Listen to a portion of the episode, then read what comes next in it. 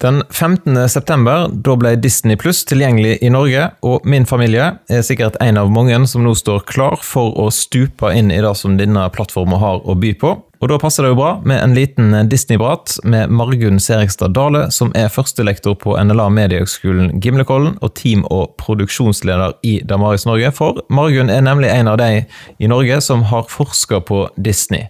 Og Det er jo bra. Og Vi er faktisk eh, akkurat nå i eh, ja, stua di, Margunn. Vi har hatt ja. noen fine eh, sånn teamdager med Damaris-teamet her i Kristiansand. Litt seint på kvelden nå. Vi har hatt to lange dager, så det er jo litt sånn kamikaze-prosjekt å lage podkast, kanskje, men vi gjør et lite forsøk. Alt for saken, Kjetil. Veldig gildt å ha deg her. Og det er som sagt utrolig inspirerende med sånne dager der vi får i lag hele teamet.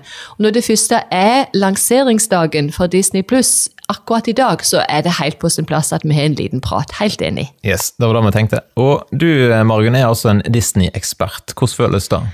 Når du sier det sånn, så føles det veldig eh, fjernt fra virkeligheten. For jeg føler meg ikke som en ekspert, men jeg er veldig glad i Disney, og jeg syns det er utrolig fascinerende og viktig å lytte seg inn på de typiske verdiene som Disney formidler. For det er helst der jeg heller meg. Ja, Vil det si at du nå har eh, på en måte binger gjennom alt det som ligger på Disney pluss?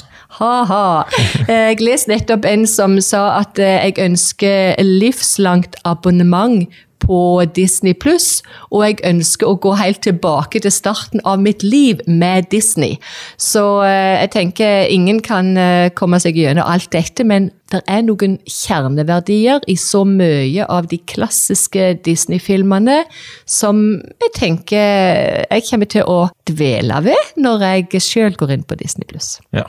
Hva var på en måte bakgrunnen for at du begynte å studere eller, og, og, fikk lyst til å forske på Disney? Ja, Helt konkret så fikk jeg et uh, stipend fra Tro og Medier. Men da hadde jeg skrevet i søknaden at jeg ønska å bruke stipendet, hvis jeg var heldig å få det, på å gå inn nærmere på Disney-universet som et tydelig eksempel på fortellinger som betyr mye for barn og unge, men særlig barn.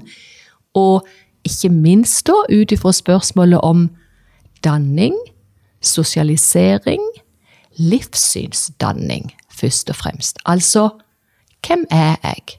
Hvordan skal jeg leve livet mitt? Hva skal jeg tro på? Alle disse viktige spørsmålene så ungene og ungdommene stiller direkte og bevisst, eller mer indirekte og ubevisst, og som de finner så mange svar på i mediefortellinger. Men det finnes jo veldig mange mediefortellinger, og det er mange andre enn Disney som, som eh, ja, preger ungdomskultur og barnekultur. Hvorfor ja, valgte du akkurat Disney? For det at Disney er en så utrolig markant aktør i mediehverdagen, både til ungene her i Norge og i Europa og verden over.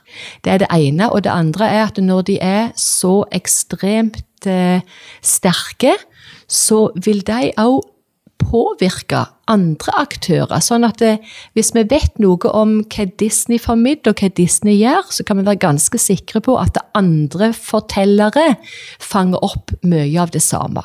Det er jo én ting. Og en annen ting er at eh, når eh, en så stor aktør eh, er der i uh, ulike deler av verden, så har du òg en mulighet til å få kontakt. Og jeg er så heldig at jeg får være litt undervise i Afrika, og så har jeg vært i Sør-Amerika, og så er vi rundt forbi her i Norge. Og så vet jeg at uh, ved Disney så har jeg et uh, sånn kjent punkt med barn og unge, uansett hvor jeg går. Og det er utrolig fascinerende for samtaler. Jeg har barn i slummen i Afrika sitt på Disney? Giss om de har. Eh, jeg har fortalt deg det siden du spør akkurat sånn, fordi at jeg skulle ut til slummen i Nairobi en gang og få undervise litt i en klasse med tweens-unger. Og på veien ut så, så jeg noen svære plakater med reklame for Disney, nei, unnskyld, for uh, Frozen yoghurt. Men jeg skulle jo tro det var Disney, for der så jeg jo Anna og Elsa fra Frost-filmen. Og da tenkte jeg åh, ja, nå vet jeg hva tilknytningspunktet skal være for å få kontakt med denne gjengen. Jeg skal beskrive plakaten og spørre om de kan fortelle meg hvem jeg så. Og det var jo ikke vanskelig for dem å svare på det, det var jo Elsa og Anna. Og så begynte jeg å knipse med fingrene, og så nynnet jeg på Let it go, eller La det gå, og så sang de i vei. Uten at, selvfølgelig, de kunne hele sangen Let it go, let it go. Og da måtte jeg kviskre til læreren hvor mye tid har jeg egentlig?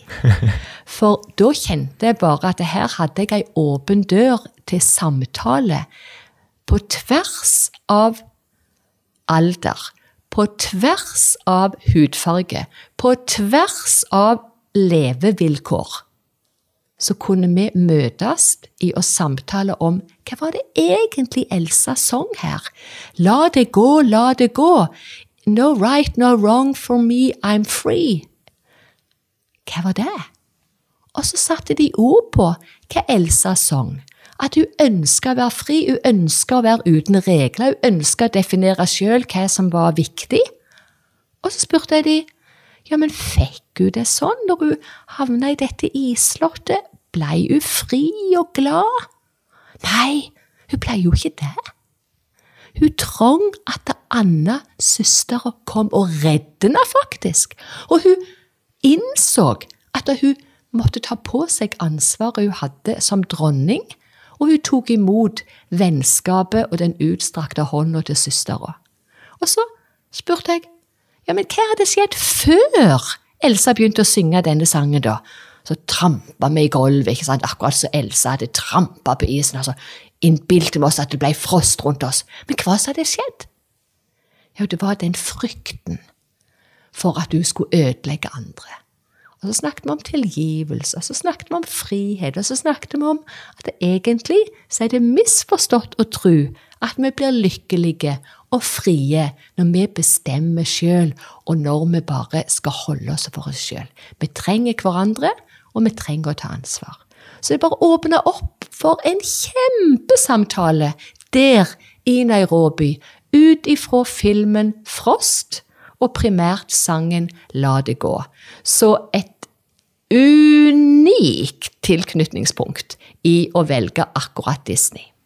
Og da kunne det fungert eh, her i Norge òg, sikkert? Og giss om. Jeg har gjort det mange, mange ganger. Men jeg syns jo det er ekstra fascinerende at eh, det skjedde litt overrumplende i slummen i Nairobi. Det ble en understreking for meg om at det var et riktig valg.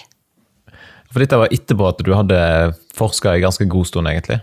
Ja, fordi at eh, jeg fikk dette stipendiet fra Tro og Medier, og hadde jo eh, putla litt med disse fortellingene i utgangspunktet, men da fikk jeg mulighet via dette stipendet å dra til USA og være litt i Burbank Studios i Hollywood og gjøre intervju med manusforfattere til Disney, for det er jo de som har Burbank Studios, det var der alt starta.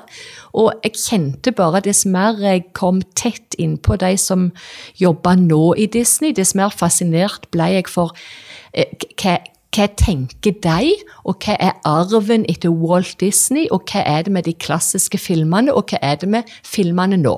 For for alt i verden. Det er jo et virvar av fortellinger i Disney-universet. Det er jo gedigent. Du, du måtte altså spisse det inn litt? Ja, og jeg syns jo det er interessant å kunne gå tilbake til røttene. ikke sant? Og bli eh, litt kjent med Walt Disney sjøl og hva han ville, og i hvor sterk grad preger det han ville, de filmene vi har i dag. Så Walt Disney var jo tydelige på at eh, vi ønsker å formidle til ungene at noe er rett og noe er gale, noe er godt og noe er vondt. Og òg at eh, det gode alltid vil seire til slutt. Og han sa jeg ønsker å gi et håp og optimisme til barn. Jeg ønsker å gi dem en smak av noe bedre.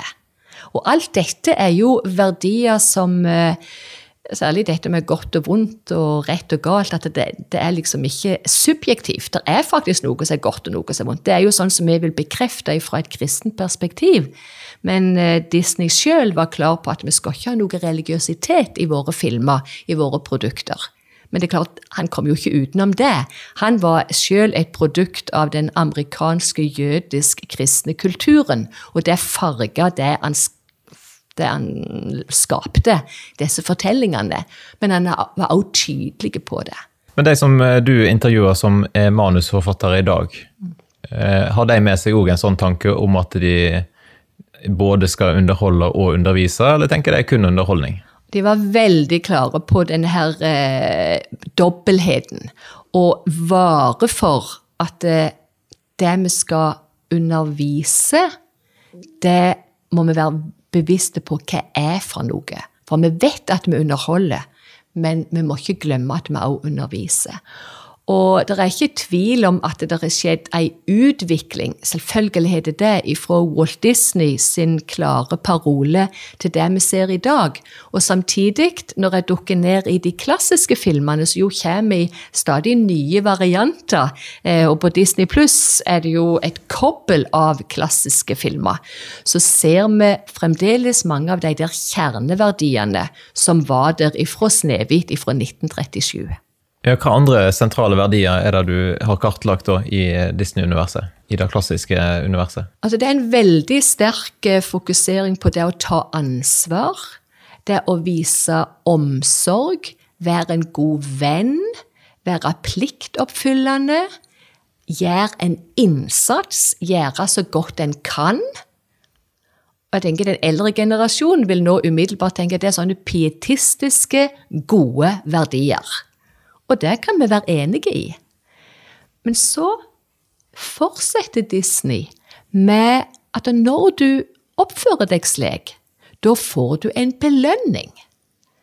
Og belønningen, den kommer i filmene som en sånn magic. En god fe, for eksempel. Eh, og det syns jeg er veldig fascinerende. At Walt Disney sa vi skal ikke ha noe religiøsitet, men så er det en belønning via noe som kommer utenfra. Og i den gamle greske mm, teaterkunsten, så når de skulle illustrere noe som kom, noe guddommelig, så heiste de ned eh, en karakter i ei korg på scenen. Altså det kom utenfra. Det inspirerte eh, Walt Disney. Og vi kan jo fra et kristen perspektiv se tydelig at det, ok, her kan vi også peke til at det er noe mer. Det er en hjelp utenfra. Vi trenger hjelp utenfra. Men til forskjell for at Gud belønner den som har gjort så godt han kan sjøl, så har vi et fantastisk budskap å formidle om en Gud som faktisk bøyde seg ned og møter oss der vi er med tilgivelse og oppreisning, og ikke sier 'gjør så godt du kan, så skal jeg gjøre resten'. Ja, men Det er jo mange som sitter med det bildet av kristen tro i dag. da. At bare bare så lenge jeg gjør så godt jeg kan, så er nå sikkert uh, Gud grei nok å belønne meg.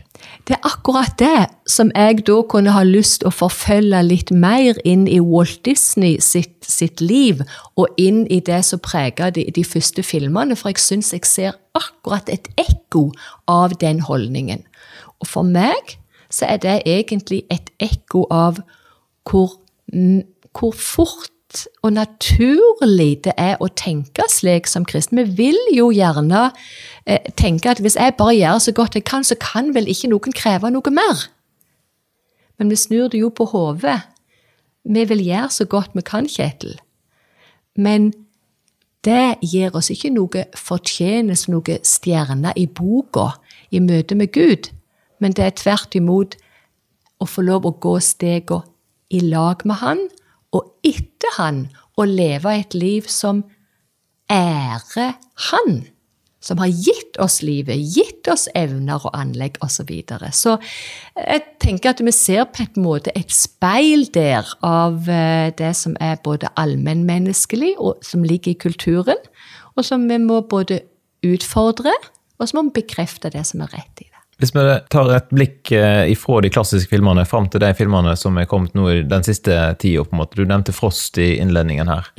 Hva, hva utvikling har skjedd? Ja, det, Jeg snakker i lag med veldig mange andre av dere i Damares-teamet og, og, gjengen ellers oppe på Gimlekollen. snakker vi ofte om at populærkulturen speiler det, den samtida den er med på å forme.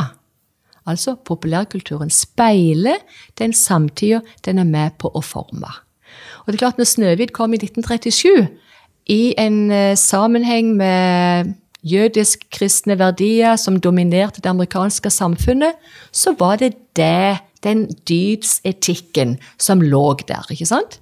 Og så etter hvert som Disney har uh, vokst og fått et globalt nedslagsfelt, og utviklingen er gått til en veldig pluralistisk, altså mangfoldig samfunn i USA, samtidig som Disney er global, så farger jo det òg fortellingene. Den speiler det samfunnet den er med på å forme. Så det gikk et skille når 'Løvenes konge' kom, fra å være så å si helt fri ifra en enkel, et enkelt livssyn eller en enkeltstående religion i filmen, til å egentlig omfavne en østlig inspirert religiøsitet. For det er jo det vi ser i 'Løvenes konge', med 'circle of life', altså livets sirkel, og at du finner krafta inni deg, og den krafta som er inni deg, er også rundt deg. Eh, Fram til da så var det ikke den type religiøsitet i filmene, men du hadde magien som hjalp oss til å se at det, det er noe ut forbi oss, men ikke noe mer. Og det er klart, går vi til Frost, så er vi både i eh, et perspektiv på kvinnen, som er annerledes enn om du går til de typiske prinsessefilmene tidligere, der eh, Elsa ikke trenger noe mann for å være lykkelig. Tidligere så er jo noe jeg har identifisert i film etter film, så ei kvinne er egentlig bare lykkelig når hun finner en mann. Det var ikke nødvendig for Elsa.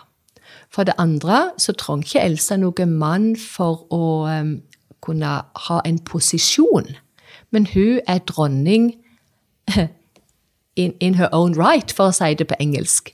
Hun trenger ikke gifte seg til den. Uh, så, så, det kvinneperspektivet der er veldig tydelig. Og så er det en sterk vektlegging av enkeltindividet, eller individualisme. Det har vært tydelig helt ifra starten. Men eh, spenningen imellom å følge hjertet sitt og å ta ansvar har vært der. Eh, så du skal følge, følge, hjertet ditt og gjøre det du kjenner rett for deg, og så skal du samtidig ta ansvar for de rundt deg. Eh, det er blitt mer og mer en tyngdeforskyving til jeg skal følge hjertet mitt.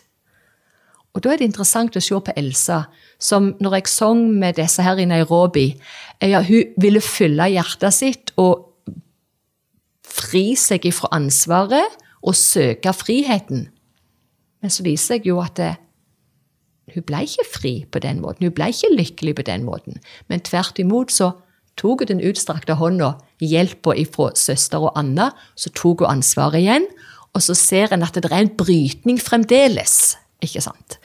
Men um, religiøsiteten er jo ikke der i Frost-filmen nummer én, men går vi til Frost 2, så ser vi islett til og med av eh, samisk religiøsitet, som vi kjenner jo veldig godt her fra Norge. Og det er jo ikke så løye, fordi at Frost-universet er jo veldig inspirert av av norsk gammel kultur. Og i den andre filmen så ser vi det religiøse aspektet fra urfolket veldig tydelig.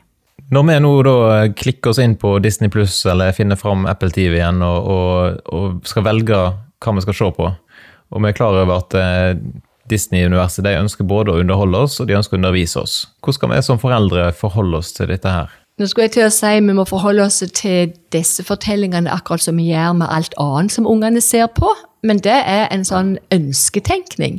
For jeg vet at det er utrolig krevende å være forelder. Det er krevende å henge med på hva ungene bruker tid på. Men vi må bare hjelpe hverandre til å vise ungene den respekten. At vi viser interesse for hva er det som fanger deres oppmerksomhet. Og det betyr at det like mye i møte med Disney som i møte med andre fortellinger, så setter vi oss ned iblant og ser i lag med de, og så spør vi hva var det du likte så godt her, og hvorfor det? Ikke tenk at du invaderer ungen din når du stiller deg spørsmål. Ikke tenk at ungen er for liten. En tre-fireåring vet hva som er så gøy, og kan sette litt ord på hvorfor. Og så er jeg veldig opptatt av at vi har to tomler, de fleste av oss. Vi er jo heldige der. Og da kan vi jo gi en tommel opp og si hva vil du gi tommel opp for? Hva er det du liker så godt her, og hvorfor det? og så har vi ei annen hånd med en ny tommel. Og da kan vi jo bare sånn for å være konkret si ja, men er det noe du ikke likte her? Hva, hva var det, da? Så kan du ha tommel ned. Og da hører du hva jeg sier.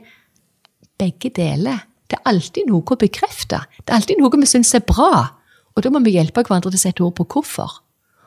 Og så hvis vi er ærlige, så er det noe vi reagerer på òg. Om det så er unge sier nei, det er bare litt skummelt, og, og jeg ble litt redd da. Ja, hvorfor det? Sant? Så får en en samtale også om de bitene. Så, så, tommel opp og tommel ned er et veldig enkelt og godt verktøy for de aller minste, men jammen har jeg brukt det langt opp i tweens-alderen. Du har et annet verktøy også, på en måte, som inkluderer hele hånda. Ja, og igjen det. er det dette med, med, å være konkret, og jeg har tro på det. Eh, og um, de skal jammen ikke være store ungene før de eh, kan være med på, på fem, fem, spørsmål. Og det første kan jo være det samme som du har på den ene tommen. Eh, hva likte jeg her, og hvorfor? Men da, kan du jo gi dem litt hjelp òg og spørre var han skummel, trist? Eh, ble du glad? Ikke sant? Du kan gi noen stikkord, men anliggende er med det første spørsmålet å få de til å sette ord på hva, hva de syns om, om, filmen, hva de likte og hvorfor. Og så følge på med var det noe jeg ikke likte, og hva var det? Jo, da var det gjerne mer at det var, var skummelt. Og for det tredje, apropos at vi alltid lærer noe, og spør hva lærte jeg her?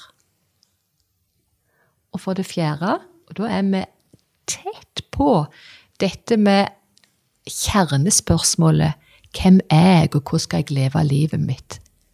Derfor så spør vi for det fjerde hvis jeg hadde vært i denne filmen, hvem ville jeg vært da? Altså, hvem ser jeg opp til? Hvem ville jeg ha imitert?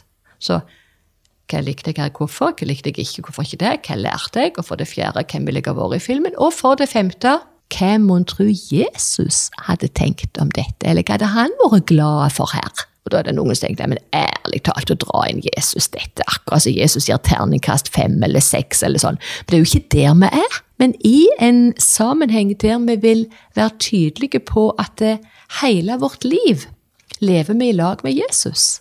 Og i en familie, en kristen familie, så er det jo helt naturlig at når vi snakker om en film eller snakker om en bok, eller snakker om, så er jo Jesus en del av livet vårt, en del av hverdagen vår. Og da er det flott å kunne spørre er det noe du tenker Jesus hadde vært ekstra glad for her. Det har åpna opp for mange flotte samtaler som jeg har fått ha med tweens og også yngre. Og så liker jeg for egen del å legge tommeltotten inni håndflaten og legge de andre fingrene rundt. Og bare kjenne at det griper til som en sånn fysisk påminning om at Jesus han skal være sentrum i mitt liv. Når jeg ser, når jeg hører, når jeg forholder meg til fortellinga, så ønsker jeg å spørre hva er forenlig med Bibelen her? Hva kan jeg bekrefte, og hva må utfordres? Eller for å si det med en engelsk boktittel I want to get more like Jesus while watching TV. Bli mer som Jesus når jeg ser TV-serier og film. De som nå har blitt inspirert eller nysgjerrig på å lese mer av det som du har, eh, eller som har kommet ut av forskningen din, hvor bør de gå?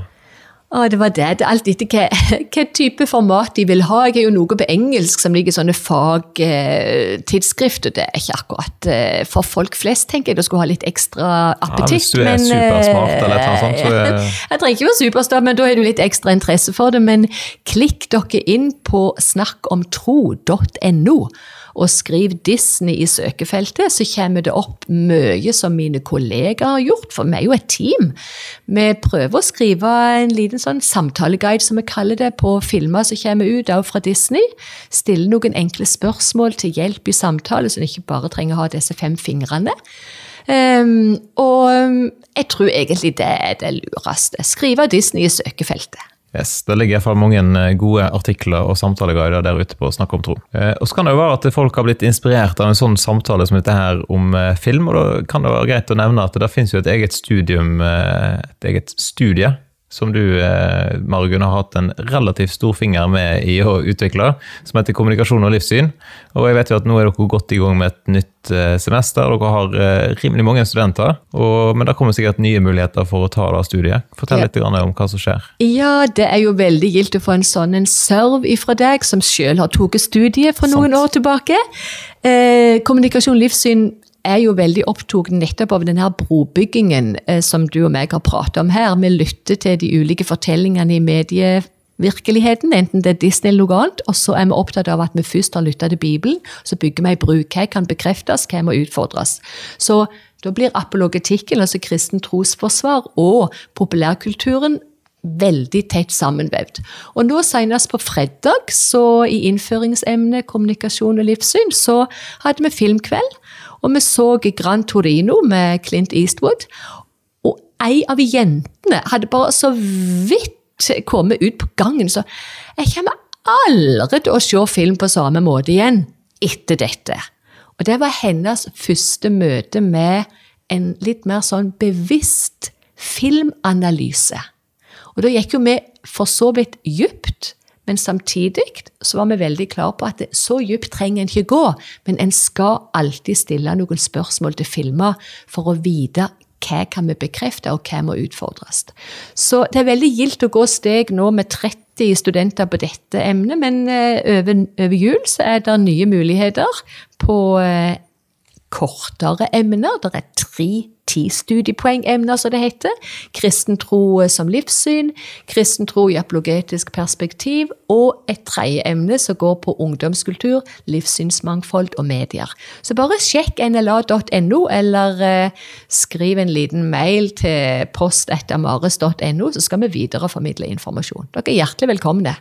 Yes, litt gratis reklame der, rett og slett, for NLA. De burde jo egentlig eh, sponse podkasten her, Ja, det var det. sånn. Men uh, de er en god samarbeidspartner. Ikke minst. Ja.